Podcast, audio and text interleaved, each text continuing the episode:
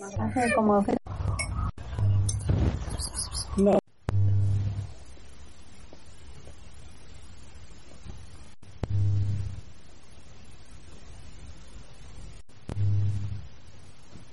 Ezberdina hori ikusiko.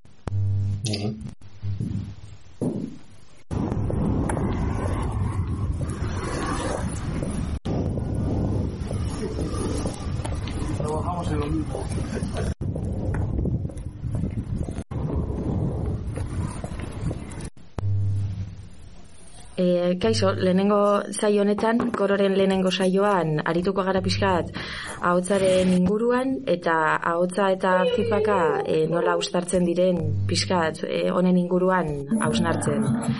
E, lehenengo podcast honi beste ahotsak ditu diogu, e, eta pixkat ahotsa edo hotza ez bakarrik e, euskarri e, digitaletan edo analogikoetan nola erabiltzen diren, baizik eta ahotsarekin kombinatuz. E, gu e, Enrique Hurtado eta Oian iragun gara eta e, honen inguruan e, hausnartuko dugu edo galderak botako ditugu lehen saio honetan.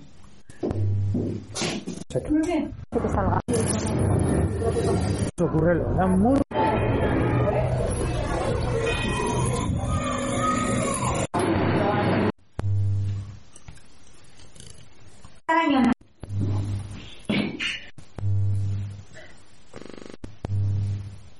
Bueno, eta feedbacki buruz, e, badago e, gogota interesgarri bat, e, Cecile Malespina, idatzitako liburu batean, Epistemology of Noise, eta, bueno, ba, azken, liburaren azken partean, hitz egiten du pizka bat, e, zarata eta feedbacki buruz, e, ikuspegi psikologiko batetik edo, edo, bueno, psikologian, e, erabiltzen den e, kontzeptu bat dela, nola gure barnean daukagu feedback sistema bat, eta e, eta zarata ere badago hor. Orduan feedback hori e, ondigia denean, ba, bueno, ba, e, izarto zaude edo zer e, bilakatzen da arazo bat, ezta? Feedback sistema hori eta per- pertsona batzuek e, daukate feedback sistema hori como finago edo haundiago. Eta, izaten da bizka bat arazo batzuen. Eta, bueno, ba, interesgarria da pentsatzea kontzeptu hauek ez direla bakarrik eh, soinuan erabiltzen baizik eta hainbat eh, arlotan.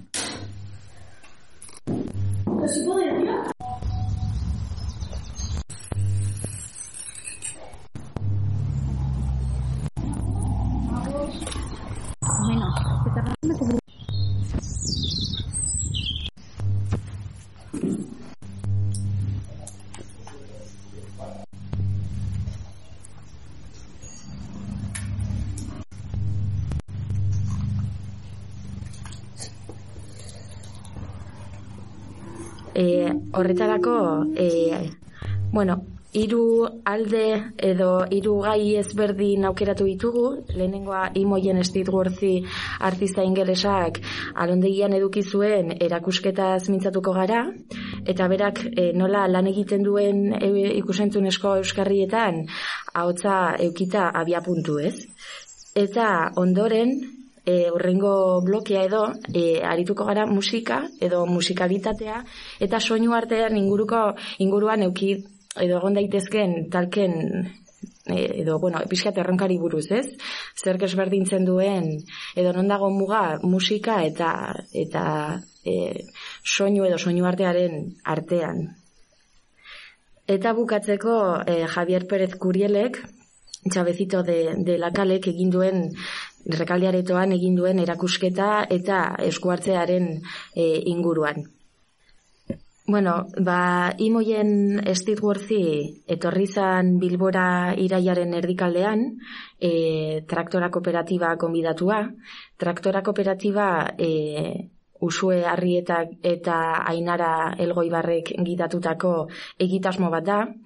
Eta beraiek alondegian e, gauzatzen ari dira e, ikerketa bat, e, bi urtetan zehar, eta bertan gonbidatzen dituzte artistak, eta beraiekin tailerrak egiten dira, edo visionatuak, eta bar, eta orduan kasu hontan nahi zuten pixkat lotu ahotsa, edo auskotasuna eta eta bideo edo zinema, ez? Eta horretarako gonbidatu zuten e, Steve eta berak e, ekarri zuen e, alondegira pieza bat deitzen zana e, Iris e, fragment deitzen dana, Iris zati bat.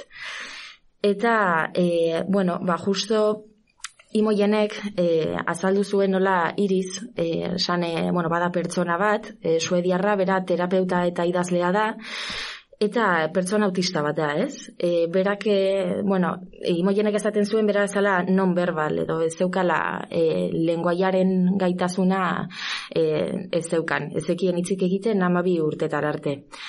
E, orduan bere, bere aitak, e, iriz jarri zuen ispilu baten aurrean amar urte dukita, eta bertan e, konturatu ziren bai e, iriz, eta bai bere aitak, ba, nola e, berak e, autista, pertsona autista moduan edo, ez zeukala bere gorputza edo hautzaren kontzientzia jakin bat. Berak esaten zuen, e, entzuten zuela jendea berbetan edo jendeak igortzen zituela soinuak, eta berak horri deitzen zion e, errealitatea edo edo kanpoa, ez? Ez zuela bere, ezagin dola zan, baina ez zuela bere gorputza edo bere adimena zeharkatzen, ez? Hori ez zuela, ez zukan e, hitz egiteko gaitasunik, eta nola berari egite zitzaion arrotza. Eta orduan, ba, pixkate, izpiluaren momentu hau berak asaltzen du e, bideopieza honetan, e, da bideo bat alde batetik eta soinu instalazioa, e, bueno, bi pantailetan, alde batetik testua agertzen zen, eta beste alde batetik ba, e, airizeri egineko elkarrizketa bat, Eta, eta bertan, bueno, ba hori, e, non verbal berak zioen kontzeptu hori edo lenguaiaren muga hoiek e, nola bera e, azizan inkorporatzen bere, bere bizitzan eta bere aitaren laguntzarekin.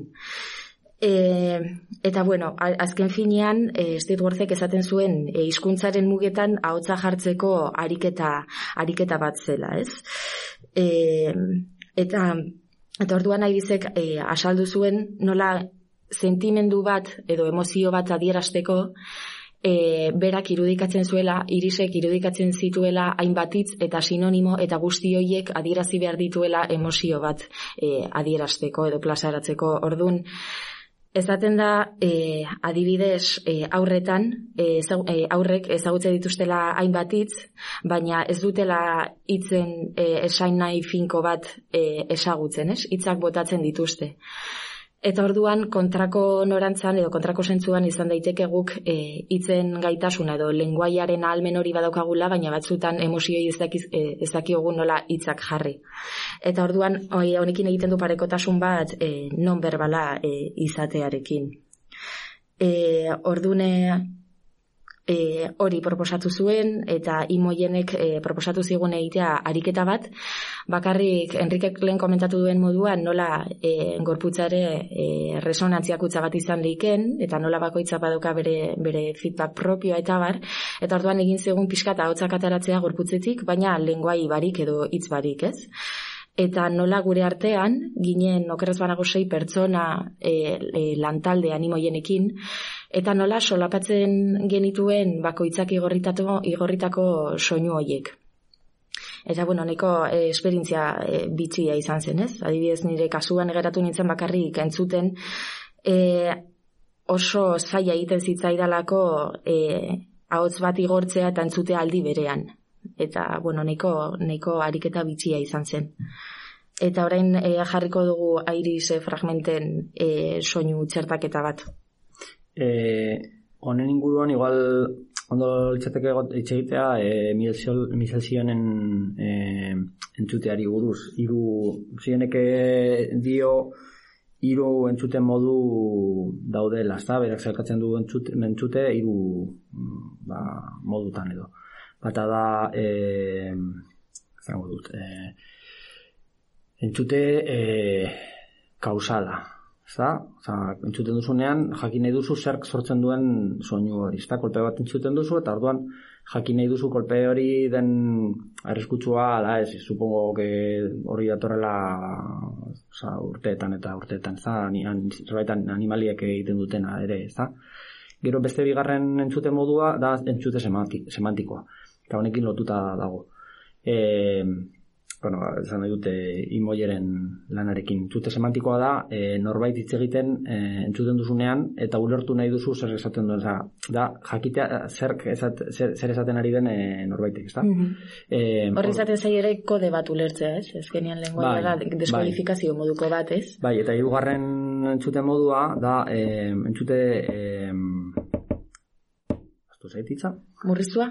E, bai, eskutza reducida, ez da, gaztelaniaz. Bai, orduan hori da, entzuten duzunean e, soinua, baina ez da e, entzuteko, oza, ez da jakiteko zerk sortu duen soinua, eta ez da e, mm, hizkuntz bat edo mezu bat e, ulertzeko. Bakarrik soinua, ba, material bezala, ez da? Eta orduan oso interesgarria da, e, pentsatzea zer, pentsatzen, zer gertatzen den, entzuten duzunean, hizkuntz bat eta ez baduzu ulertzen edo oza, ulertzen ez duzun hizkuntz bat entzuten duzunean orduan da eskutza reduzida Mhm. edo edo ez edo bueno hor bigarren hezkuntza egiten duzunean igual ez badu- ez baduzu ondo ulertzen hortik badago bueno como dena bezala ezta ezin dela zelkatu dena como eh, kutxetan sartu ezta ba, dagoela hor beti como, Mhm. ba, eremu nahiko eh, muy corrado. Vale. Ere, esaten da, e, okerrez banago, entzute murriztuan azkenean hori, e, soinua entzuten dela, baina soinu izan da. Osa ez dago inongo harremanik zem- e, e, esan nahi batekin edo erla, erlazio jakin batekin, ez?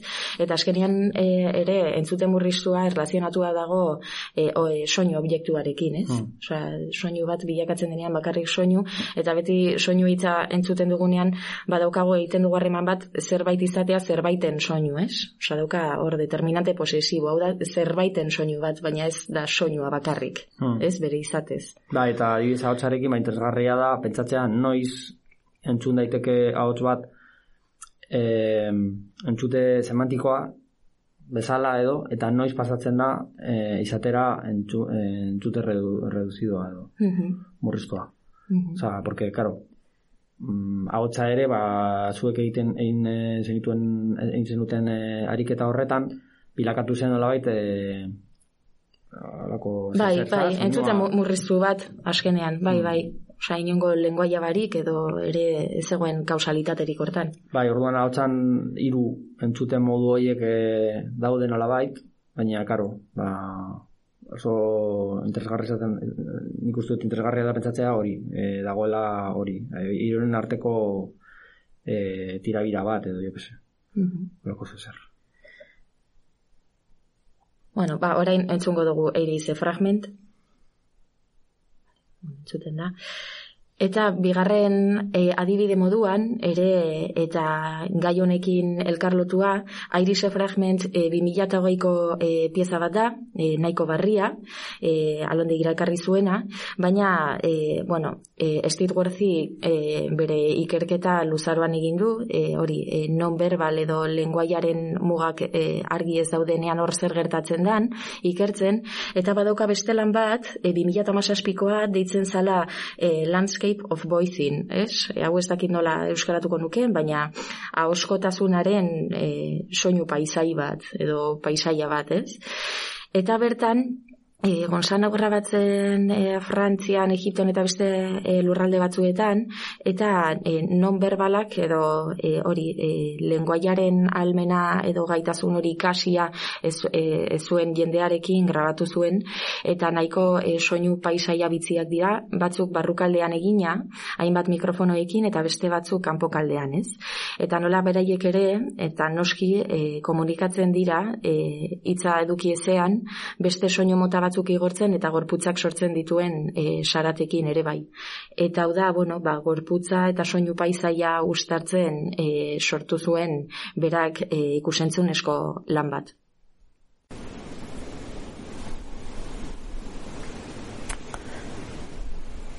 One very strange thing was that in the real world, I know exactly how everything looks, how everything actually is in reality.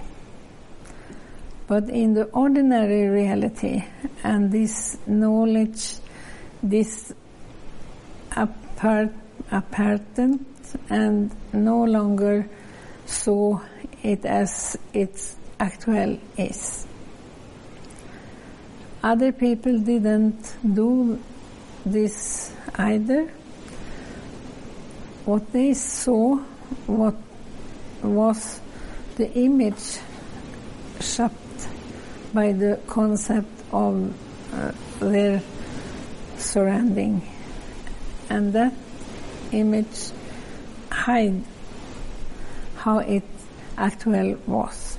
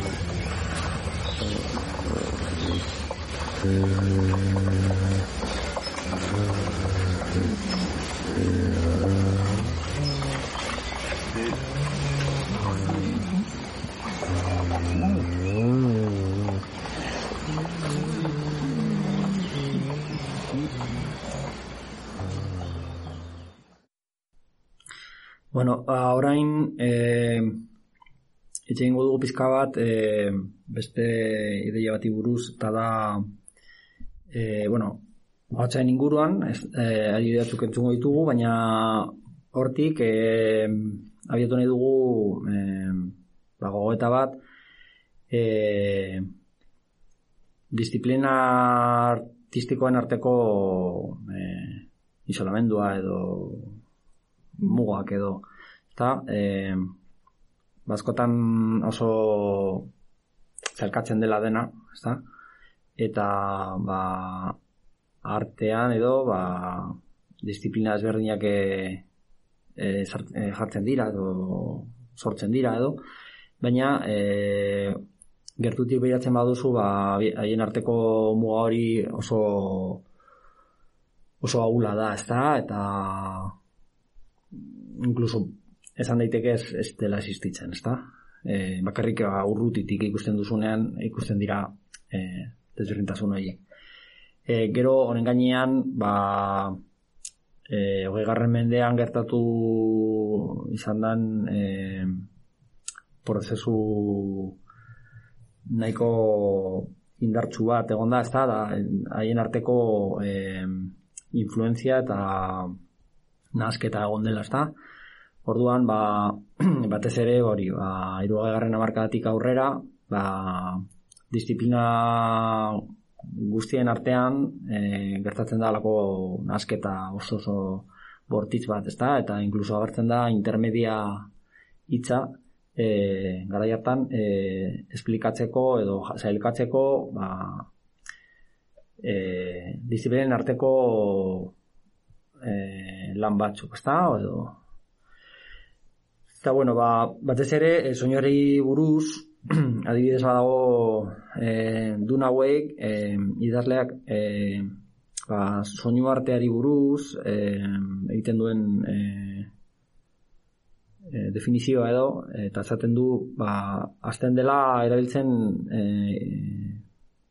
itxori, irogeta margarren amarkadan, eta erabiltzen zen e, pizka bat e, hitz egiteko soinuak mm, soinua soinuan oinarritutako lani buruz baina musika arrunta edo ez zirenak, ezta? Orduan, musika esena, baina soinua bali zuen, orduan arte sonoro edo e, zen, ezta? Baina, karo, horrek e, doka arazo pilo bat, ezta? Adibidez, ba, hori, hasteko zer da musika, eta musika arrunta, ezta? Porque musika arrunta zer den, e, batzuentzat musika arrunta da, izango da gauza bat, batzuentzat beste bat, eta inkluso zer den musika ere, ba, ez dago oso argi, ezta?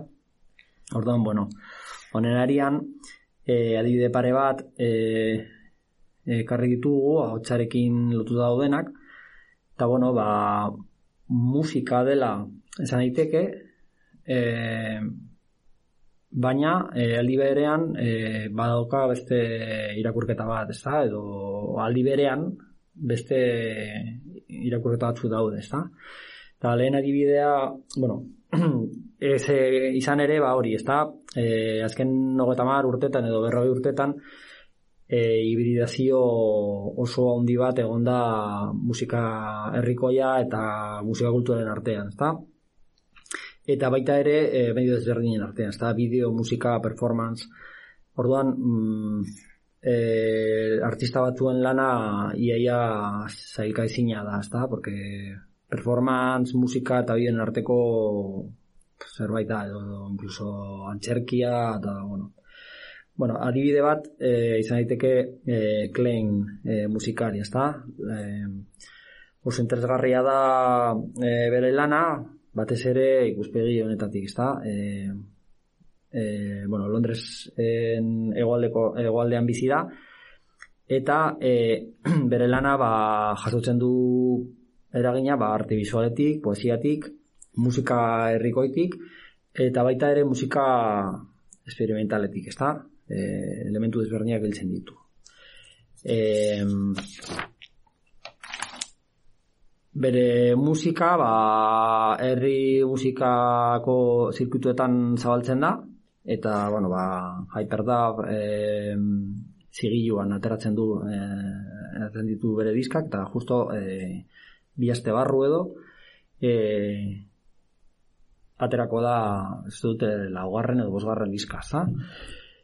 E, eta baina formalki musika herrikoia herrikoitik harrapatzen ditu ezagarri batzuk, baina e, musika vanguardiako musika edo musika experimentalatik edo e, harrapatzen ditu beste batzuk, ezta? E, adibidez, ba mm, e, erabiltzen dituen baliabideetako batzuetan e, mm, Mark Fisher eta Reynoldsek eh, esaten duten hardcore continuum e, barruan kokatzen da bere musika, ezta?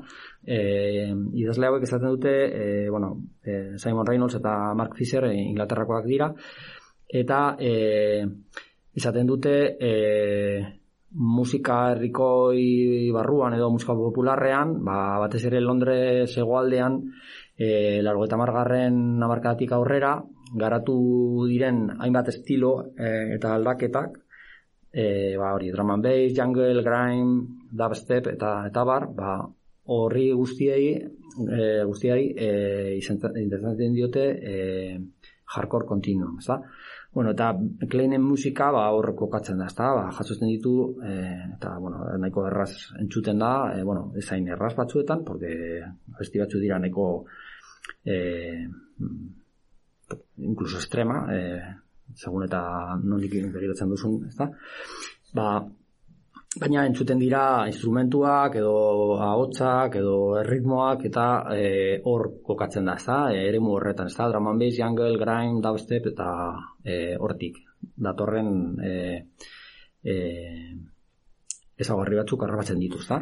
Baina bezaletik beste e, beste estrategia batzuk erabiltzen ditu eta adibidez ba kolasa e, zarata eren erabilpena e, landa grabazio landa grabaketak e, erabiltzen ditu eta e, gero bestaletik ba, melodia eta ritmoaren aldetik ba, nahiko ezoikoak izaten dira musika popularrak barrakau esan dezakegu ze ba, nahiko melodia arraroak edo melodiarik gabeko abestiak dauzka eta erritmo horren aldetik ere erritmorik gabeko abestiak daude edo erritmo oso arraroak Ezta, orduan e, abestiak izaten dira nahiko e, bitxiak, e, ze, bueno, normalean, ba, musika herrikoian abestiak izaten dira iru minutukoak inguru, ezta? Minutu eta erdi, iru minutu, ze, Beatles edo, bueno, ba, kanon bat bezala, ezta? Eta honen abestiak, ba, izaten dira, edo batzuetan dira honeko motzak, eta beste batzuetan, igual, izaten dira, bost minutuko experimentuak bezala, edo, e, eta, bueno, ba, neko irregularra e, eta komplezua. E, Orduan, bere bestaldetik, e, bere musika neko lotuta dago videoclip, e, videocliparekin, ezta? Hau da, neko fenomeno globala, ezta? Gero eta gehiago ikusten dira abestiak e, videoclipekin batera atretzen direnak, eta inkluso abestiak videoclipen mende egoten direla, ezta? E, askotan, bueno, batzuetan, abestia bideori gabe ezin da ulertu entzuten duzu, ikusten duzu bideoa, eta, bueno, ba, ez dakik gustatzen zaizun, edo ideia bat e, agertzen da zure buruan, eta gero entzuten duzunean da bestia, zerbait falta zaio. E, kasu honetan, e, e, bideo bideoklipak, e, musika harrikoien bideoen estandarretatik oso aparte daude, ezta? Eta bideo artetik e, askoz gertuago sentitzen dira e, berriz ere ba erabilitako baliabide eta tekniken gatik, ezta? E, neko zakit experimentalak direla edo arraroak e, esatea zakit. Bueno, sin más, e, bere musika ba neko hibrida da eta mm, nazten da hor eh nazten dira gauza asko, ezta? Bideo arte, performance, herri musika eta musika experimentala edo guardia. Eta hori jarriko dugu abesti pare bat. Bueno, askenean ere hemen e, daude edo beintzat ateratzen dira nire ustez nahiko galdera interesgarriak eta Enrikek esan duen moduan e, ez dago kategorizazio finko bat e, e, hori soinu artean, zer ere adituek esaten dute badagoela soinurik ez duen soinu artea, edo soinurik emititzen duen soinu arte bat badagoela, ez? Eta orduan hori, e, zer, non dagoen muga, musika, musika esperimentala da soinu artearen artean. Eta horregatik esaten da ere soinu artea e, e, artearen arteko e, disiplinak guztiak jorratzen dituela, edo, edo gehiengoak. Bai, ba, kasu honetan, e, musika popularretik datorren e, tendentzia hau, ezta? Non jotzen duen e, ba, musika garaikideko mm, estrategiak edo ezagarriak e, e, jasotzen dituela, ezta? Musika.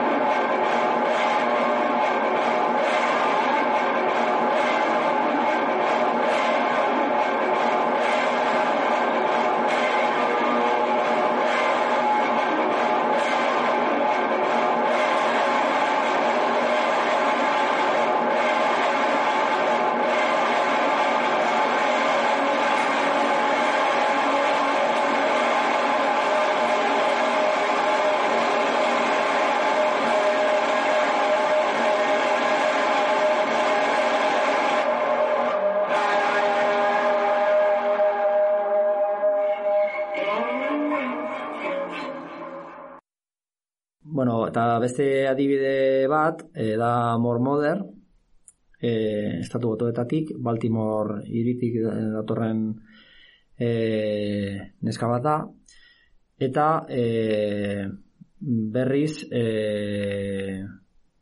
kultura beltzetik edo, ze Kleinek e, da, bueno, e, bere guraso dira nigeriarrak, kasu honetan, ba, estatu batuetako kultur beltza edo, eta, bueno, ba, e, more modern, ba, spoken word edo poesiatik e, dator, ezta? Eta, bueno, liburuak edezten ditu, eta poesia egiten du ere, eta, bueno, ba, baina lotura oso zuzena dauka hip-hop musikarekin, bueno, nik ikusten dut nahiko argi, baina igual ez da inargi, este batzuetzat niretzat bai, eta jazz e, musikarekin, ez da, orduan e, oso interesgarria da jasotzen duen e, musika beltzean gertatu den hori guztia, ez da, azken nengo, igual, inkluso laro gehi urtetan gertatutako guztia, bere musikan dago nola bait presente.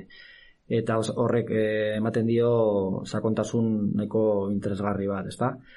Beste aldetik, interesgarria da eh, mm, eh, erabiltzen, erabiltzen dituen baliabideak, baliabide teknikoak, porque erabiltzen ditu eh, ba, sintetizadora analogikoak eh, musika egiteko.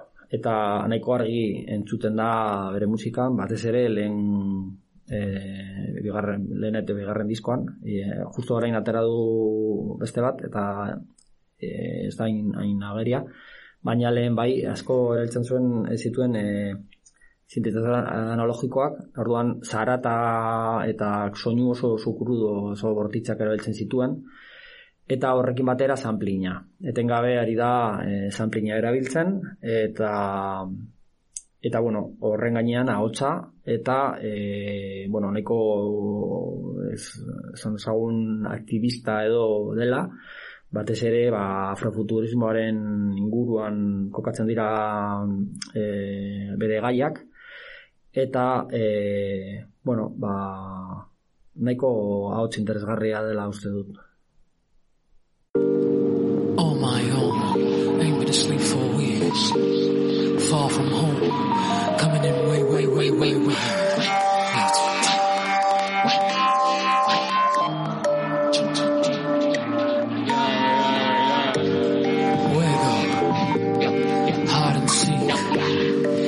your ass in the house, cover your mouth when you speak. I ain't seen shit, I ain't heard shit, you ain't gotta call the beast. I ain't seen shit, I ain't heard shit, why you looking at me? This that halo, halo, this that heat, this that rob, big this that beef. Everybody lie. We all want a little piece. The lamb cried, lamb died. And brought Jesus to the feast. Water wine. Say Nazi that VSOP. Leaving off the banks of Jordan, but they still trying to chalk on me. Eagle eye. With a hawk like freeze. George German balls in your mouth, bring it down to your knees. This that ISO Joe. This that pistol P. Houdini at the hard war. This that C. Bullets on my mind but I should be more peace.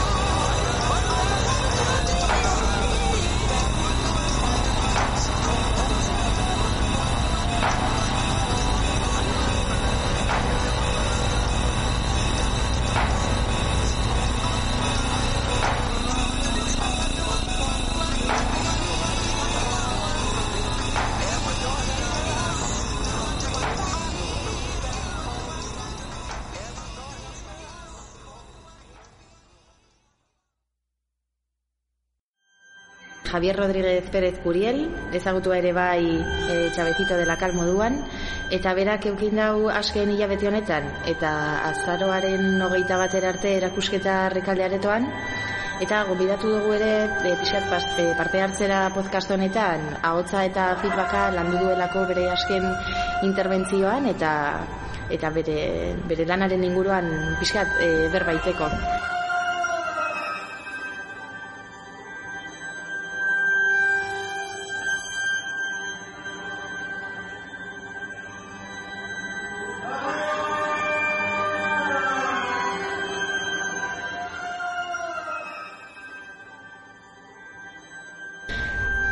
Cuando vas ahí a la sala, explicarnos un poco desde dónde nace eh, el, el proyecto.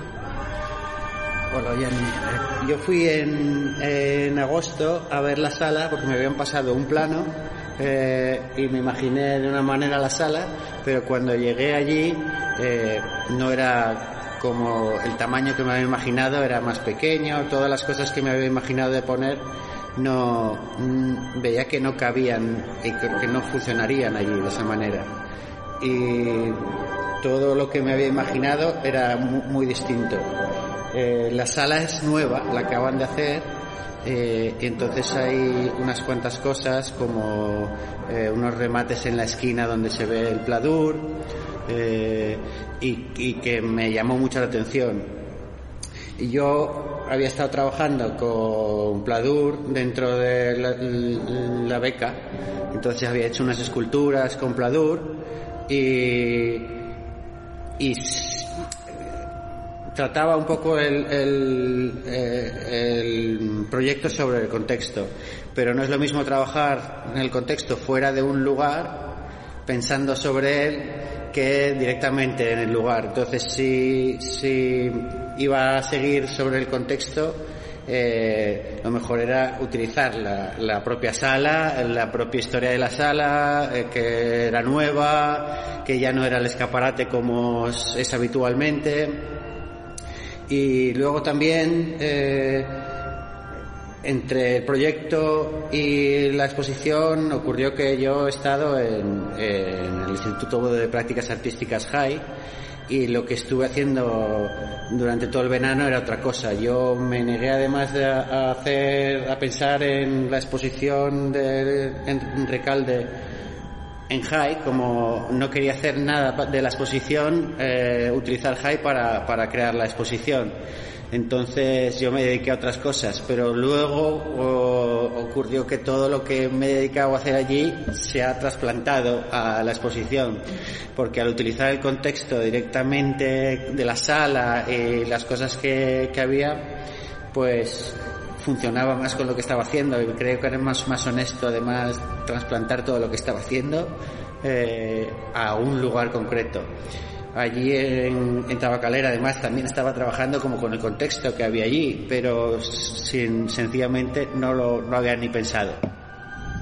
Y allí me dieron un, un- una caseta, unas casetas que hay de estas de madera y, y el techo, teni- o sea, caía una gotera en el techo. En el suelo se veía un- una especie de círculo eh, con otro color y empecé a mirarlo para ver qué era. eh, cuando me fijé, pues arriba también tenía una mancha, el techo de, de policarbonato creo que es y abrí el techo que se pueden abrir y vi cómo caía la mancha y cómo, cómo caía la gota y, y encima de la mancha y cómo era la mancha era- había sido creada por la gota y había un tubo de cartón ahí puse el tubo de cartón imaginándome vale la gota va a, a- a mojar el tubo de cartón y en algún momento va a caer.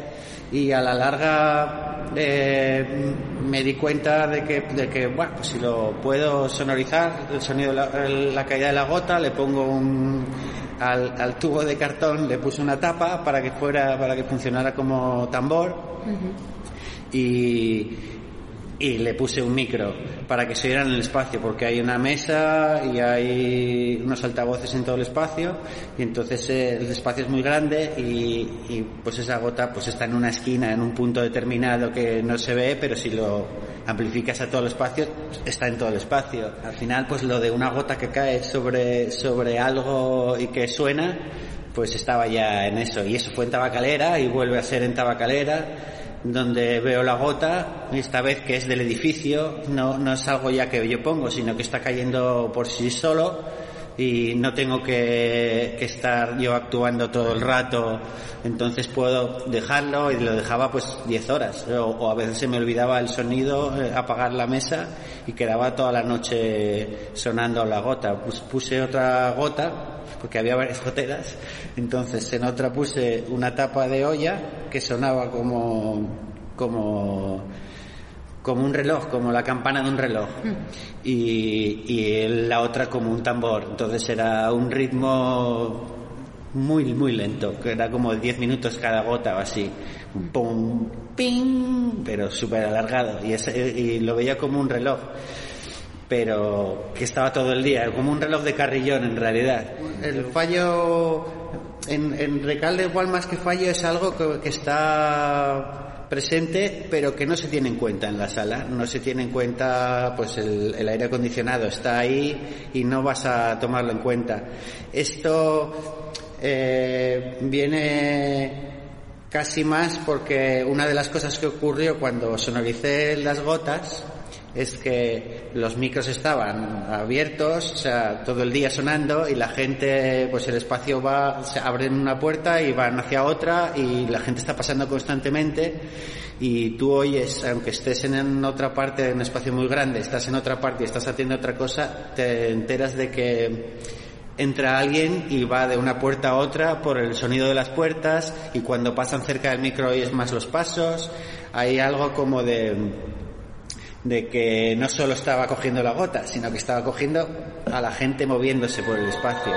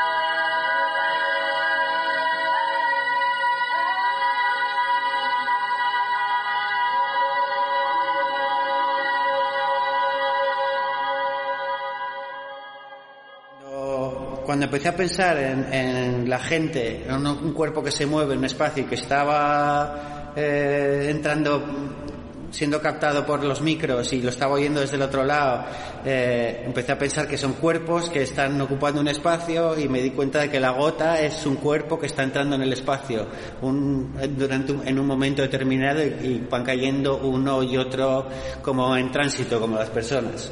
Y eso hacía un ruido, hacía un sonido y, y entonces empecé a estructurar eh, lo que iba a poner en la sala Recalde pensando en eso, en cuerpos que entran en el espacio.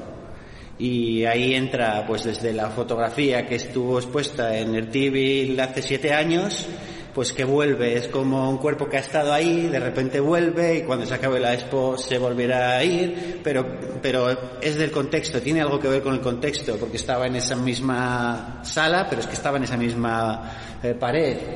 Y también pensando en, el pladur eh, que está recién hecho, está, es como un cuerpo que se ha puesto nuevo en la sala, muy reciente y que ya saber, igual ahora tiene 30 años la sala, pues igual dentro de 5 ya no está. Luego está el aire acondicionado como un cuerpo que entra, que, que generalmente no tienes, no le haces caso, pero, eh, pero que está ahí. Y, y ese los, lo, lo quise hacer visible eh, con, con sonido. También he puesto, que es un poco redundante, los, los lazos para que el aire mueva eh, los lazos, así se ve, se ve el aire, ¿no? Pues decidí hacer una, una inauguración donde para que una inauguración, una performance, un happening, para que la gente eh, estuviera allí, participara e hiciera sonido. Porque lo que quería, una de las cosas que me gustaban es que la gente entre y sean cuerpos que hagan eh, algún tipo de sonido y entre por el micro y, se crea un, un, eco de lo que hacen eh, con sonido. Eh, entonces quise llevar a mucha gente para que hiciera sonido. Lo que pasa es que en el punto de máxima ocupación se, se trasladó y se pusieron el, micro en la entrada de, de la sala eh, con unos altavoces colgando y esto el, el micro estaba sonorizando la puerta automática eh, que era como bueno pues otro efecto de cuerpos que, que entran es abrir la puerta automática y hace ese ruido y y luego creé una bueno creé, hice una estrategia para para oír la voz de la gente que la, eh, que, que la gente eh, sonara a través de los, los altavoces o a través del teléfono. Eh, yo lo pensé como, como un happening, no sé si es acertado o no la palabra o no, pero en mi mente tiene, tiene esa connotación de que, de que participen las personas, de que sean las personas eh, o sea, de que no esté centrado en una sola persona que performa, sino que todos participen, eh, con la idea de que todos los cuerpos que estén allí hagan, hagan sonido y que eh, eso es lo que crea lo que hay. Pero para que eso en cierta manera funcione, eh, hago unas estrategias, quise hacer como unas estrategias para, para, para oír la voz de la gente, para que la gente se mueva, esté en, lugares distintos, eh, suene así a una persona que dice una palabra en, en, el fondo de la sala no es lo mismo que una palabra que una persona que lo dice en el otro lado de la sala al principio y por eso coloqué mmm, folios con la palabra que tenía que decir cada persona, pues como a dos metros, eh, alrededor de toda la sala. Eh, bueno, esto era, las palabras eran además, pues, eh, una idea de que la misma frase está hecha para que se, se, cambiando de orden las palabras tenga significados distintos y, o, no ten, o no tenga significados la frase. Y, y me hacía gracia pues combinar la, la, la frase con, con, con, las personas en el espacio. Luego además también eh, quise grabar, o sea, emitir en directo a las personas diciéndolo, eh, porque es como tiene que ver con, con, con, lo que hice en Tabacalera, como esta idea de, de lo que está en el lugar, tiene un sonido y tiene una imagen y ves una cosa, pero desde la cámara ves otra. Eh, hay algo que está en, en la presencia eh, y que es eh, en la presencia y en la ausencia. Y esa idea de poder estar dentro del espacio de tabacalera o, de, o fuera viendo las televisiones que hay presencia o, telepresencia, eso está como en la sala también, eso quiero decir, está en, en, el happening performance de inauguración que hice, en el sentido de que, de que los cuerpos se pueden mover por ahí, no sé, eh, pienso en lo que te contaba antes de la gota, la gente entra mm, en, el espacio y se va a la oficina y mientras pasa por ahí eh, oyes los pasos y eso es, estás oyendo la presencia. Y, y en la performance esta es como eh, oír la presencia.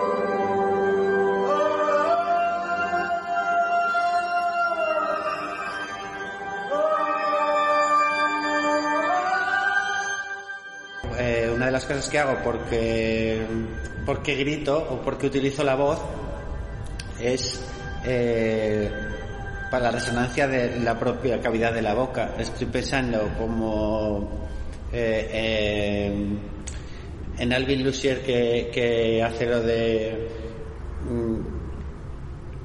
Uh, speaking in a room. I ¿cómo am sitting in I a am room. sitting in a room, que entonces eh, al repetirlo acaba siendo la resonancia del, del propio espacio y es como eh, una forma escultórica con, con el sonido.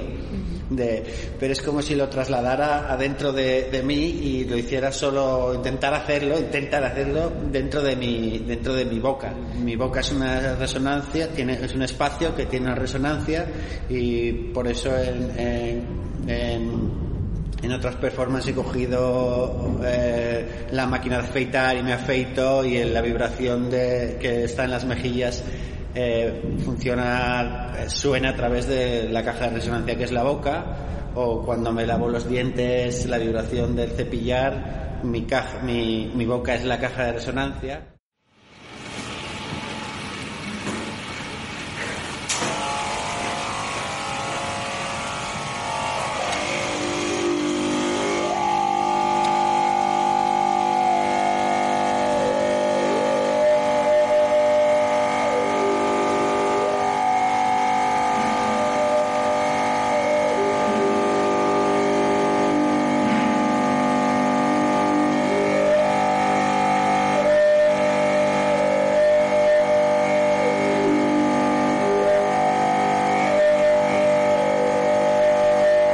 Cuerpo como esa parte de mi cuerpo como un espacio escultórico y luego con la voz también. La voz ya es el último, sin utilizar nada externo, que creo que es que somos muy cyborgs y por eso utilizo el elemento. No, pero, pero ojo, a mí cuando has dicho, justo has puesto el ejemplo de Lucier, es que también me, me ha recordado cuando antes has comentado lo de tabacalera, de dónde nace un poco, porque es algo que no debería de estar ahí, ¿no? Como Sí. un error, pues una gotera. Pero Lucier también, eh, en, en el trabajo que hizo de I Am Sitting in a Room, también parte de, claro, el- Sí. la degradación de ese sonido, ese feedback, es depende de la acústica y de la sala, o sea, de esa caja de resonancia, pero también depende de cómo él lo diga, porque parte porque él es tartamudo. Sí. Entonces cada vez lo va a decir de una forma diferente. Entonces hay como dos aleatoriedades ahí, ¿no? O sea, es como cómo lo dice él en un momento y cómo lo recoge esa sala y cómo lo va degradando. Sí, esa es la parte además como emocional que tiene, ¿no? Para mí el, el que la, la frase la diga con lo que lo que dice la frase, hago esto más como una manera de hacer más suave mi voz y, y eso es a través de algo como superfísico y como interno, no lo sé, eso es muy como muy bonito. Y hay algo que está de- dentro de uno que lo extiende afuera. Es, es algo emocional que, que- que está eh, implicado con el sonido y eh, en él está a través de la tartamudez implicado con cómo sale el sonido, sale el sonido roto de una manera en la que no eh, distinta igual a la que quisiera y es algo que tiene que ver como con, con la emoción. Yo empecé además esto de eh, no con la voz sino bailando, con o sea, el, utilizar el cuerpo y el- con el sonido, pero haciendo yo una música y lo compruebo. O sea, yo tengo una caja de ritmos y pr- primero hago eh, un bombo y entonces es- eh, elijo el sonido del bombo y cuando me gusta eh, hago un ritmo y me pongo a bailar sobre ese ritmo y compruebo que que ese ritmo me gusta. Si lo bailo y, lo bailo a gusto, pues entonces ese bombo se queda. Lo siguiente es que me paso a un chaston y lo siguiente pues a un bajo o le meto otro bombo más. Y entonces a cada uni- a cada nuevo sonido que meto eh, que crea un ritmo nuevo y va cambiando, lo compruebo bailando. Lo que emocionalmente implica sobre mi cuerpo eh, a, a cada sonido. Cada sonido que estoy metiendo implica que me pueda mover de esa manera. Si no me gusta lo suficiente, no voy a darlo todo bailando. Entonces, cuando lo estoy dando todo bailando, hay una implicación que es a través del sonido, pero que es emocional, que llega a influir, eh, em, o sea, que influye tu cuerpo. Quizá hay algo interesante en, en- en relación con voz y, y eco o feedback eh, con, con lo que hago con los móviles, que, que es eh, hacer un sonido a través de, un streaming en el teléfono para que desde un mismo espacio, aunque con una distancia eh, adecuada para que no se cree demasiado feedback entre, entre los teléfonos, puedas oír tanto el, tanto el sonido que está en presencia como el sonido que está enviado a través del, del dispositivo. Entonces hay un eco que no es un eco natural del espacio, sino que es un eco eh, creado por un espacio virtual, una distancia que tiene que ver con la tecnología y que, pues yo qué sé, pues hasta- se traduce a información y, va- y viaja hasta no sé dónde para tener que volver al mismo espacio. Y ese recorrido que ha, que ha viajado la información se, se acaba siendo un eco eh, no natural pero que está que funciona como un eco natural en cierta manera porque es- te, te- te lo está devolviendo pe- pero en vez de ser la resonancia del espacio es la resonancia de un espacio virtual y eso me, me, me- parece que habla mucho de, de- de cómo somos además ahora, que somos, yo, yo soy un cyborg porque estoy todo el día con, con el móvil, trabajo con el móvil y es parte de mi cuerpo. En, en, en la performance cuando le pido a todo el mundo que deje el móvil, que, que, ponga mi, mi Instagram, el, el, directo que estoy haciendo, y deje el móvil en el suelo, pienso que todo el mundo se siente un poco preocupado porque tiene que dejar parte de sí, algo que no lo, no lo creo que no es como algo consciente de que es algo parte de sí, pero sí, sí, sí que es consciente de que, bueno, es un aparato caro, no sé qué, tal, pero hay algo que es parte de uno mismo que estás dejando y esa preocupación está, está ahí. Y luego también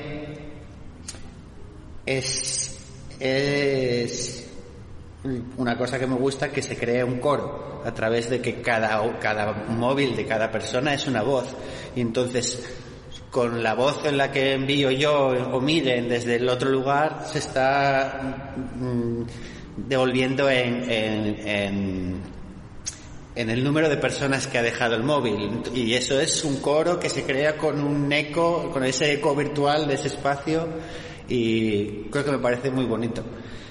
Hay otra cosa que no he hecho y que he estado haciendo en High, que es otra persona, eh, pero esto lo hice en Vapor en un directo. Eh, bueno, en Vapor lo hice de, otra manera, que es grabándome a mí mismo en vídeo y luego poniendo el, móvil en, en mi boca.